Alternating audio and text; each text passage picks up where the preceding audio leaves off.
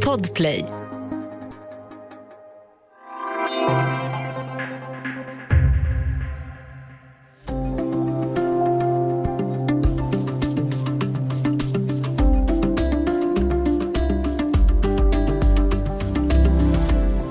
Går det att anpassa brödbaket efter livet istället för tvärtom så att det inte blir en upprepad mardrömslång dag med stök och kladd och katastrofzon i köket? Ja, med lite otraditionellt tänkande kan vi ta tillbaka makten över vår tid och slippa kladdet enligt experterna. Det här är Studio DN. Jag heter Aminata Grutt.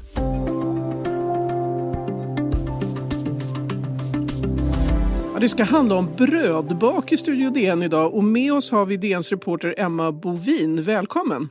Tack så mycket! Hur ofta brukar du baka? Jag har alltid bakat eh, regelbundet, men eh, tidigare kanske jag bakade en gång i månaden ungefär. Nu eh, bakar jag ju då nästan varje dag. Oj, det var mycket. Det var liksom typ fr frallor till frukosten då eller något sånt där? Eller? Ja, alltså jag har blivit lite besatt så jag bakar eh, allt möjligt. Men barnen eh, gillar frallorna nu för tiden eftersom de inte får något annat bröd.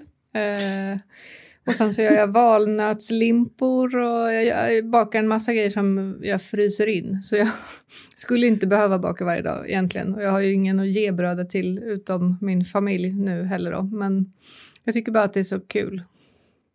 Okej, innan vi liksom börjar prata om hur du blev en sån eh, fantastisk brödbakare så kan vi börja med att höra hur lärde du dig att baka från början?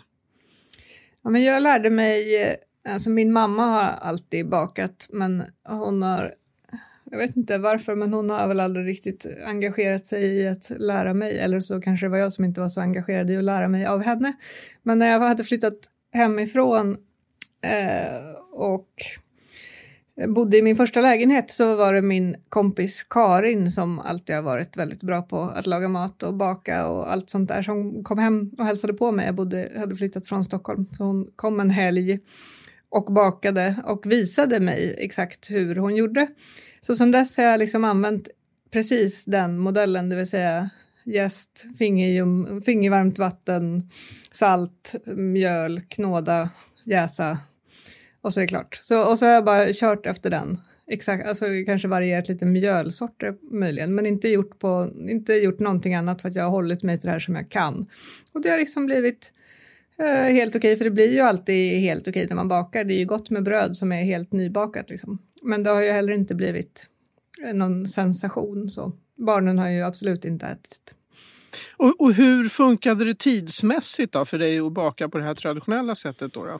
Ja, det var därför jag inte gjorde det så ofta, för att det var... Alltså jag fick ju gå in för att nu måste jag stå här i mitt kök eh, i några timmar. Jag måste hålla mig i mitt hem och så måste jag göra alla de här momenten i tur och ordning och så blir det jättestökigt och så måste man hålla på och knåda, man blir jättekladdig om händerna och så rör man ju saker i köket så att man måste sanera köket efteråt.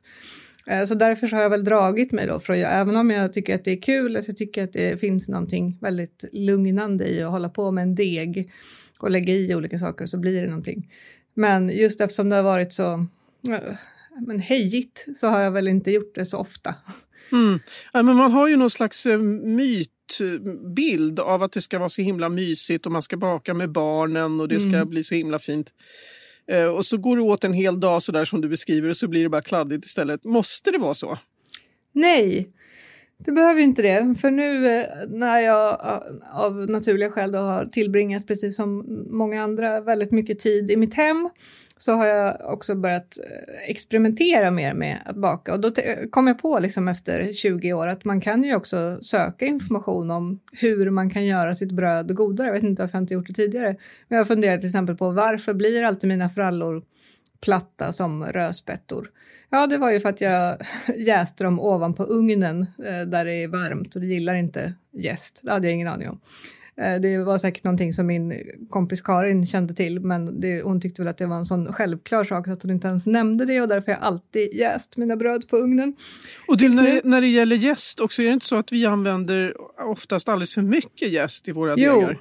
Det är ju det som är alltså de, de, stora lärdomarna jag har fått nu. Eh, och det är ju för att jag hittade Martin Johansson som är en så här eh, brödboksförfattare som har bakat sig fram till sina egna eh, lärdomar. Och då är det ju ett, man behöver nästan ingen gäst. Alltså, nu bakar jag oftast med tre gram. Det är liksom ingenting. Ett gästpaket kan ju räcka, räcka i veckor liksom.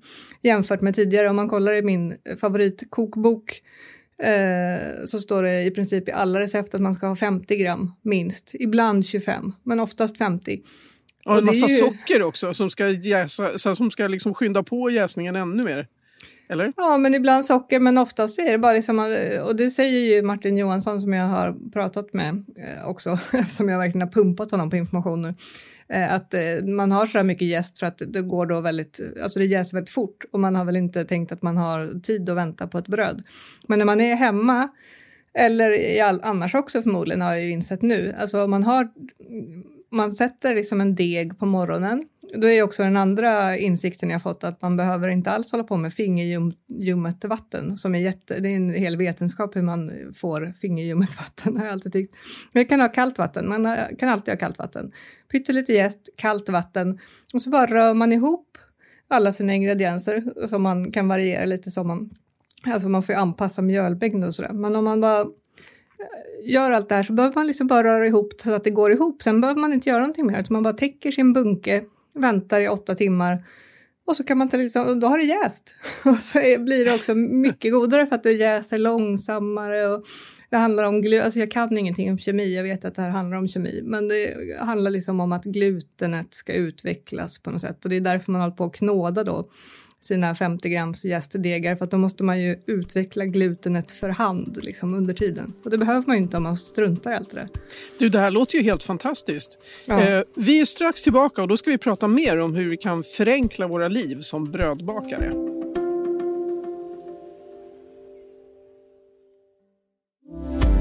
Ja, vi pratar brödbak i Studio DN idag och med oss har vi DNs reporter Emma Bovin som har träffat brödbakarexperten Martin Johansson.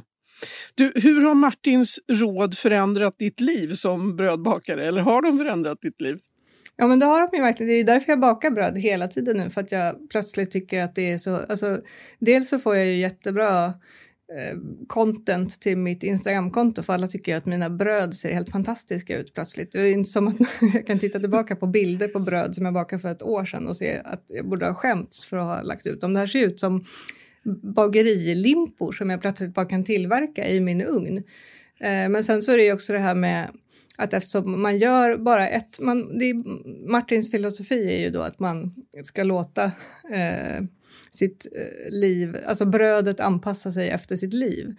Och det funkar ju eftersom man bara behöver göra momentet röra ihop och så väntar man. Då kan man ju till exempel göra det på kvällen och så väntar man på natten när man ändå sover. Och sen så är det liksom bara att ta fram degen, man liksom inte med massa mjöl och så, och den är jättekladdig, men då bara liksom skrapar man ut den, viker den lite och så väntar man i en timme till. Och sen så bara smockar man in den i ugnen på jättehög temperatur ska man ha, så blir det så här. Och så lyfter sig brödet liksom där inne och blir bara väldigt mycket vackrare än vad jag hade kunnat föreställa mig. Som magi!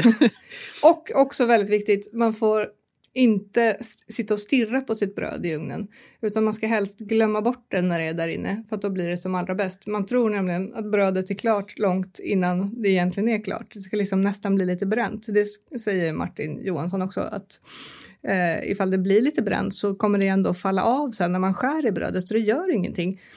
Det är mycket bättre med ett lite bränt bröd än ett degigt, blekt, gammalt åbäke. Okej, okay, men hur, hur tänker du nu? Alltså när du bakar, börjar du med en deg på morgonen eller brukar du sätta degen på kvällen? Eller hur, hur tänker du nu? Det är lite olika. Jag, jag går lite olika bakcykler. Nu satte jag till exempel en innan lunch Eh, Eh, som jag rörde ihop som jag tänkt ska bli frallor. Den kommer jag ju då att eh, fixa med eh, ikväll när barnen har somnat och så kommer de att vara klara så att de kan äta dem till frukost imorgon. Och sen så ifall jag gör, Martin Johansson har ett jättefint recept på ett valnötsbröd som jag brukar göra, det tar bara fyra timmar. Men då handlar det om att man ska vika degen, man liksom drar ut den med blöta händer så man blir inte kladdig ändå. Och så viker man den några gånger och då går det snabbare Eh, en annan eh, världsomvälvande sak för mig är att man kan förvara sitt, sin limpa på skärbrädan med snittytan neråt. Så torkar den liksom inte när man har... Eh, det handlar väl om att skorpan liksom skyddar brödet bättre än en plastpåse.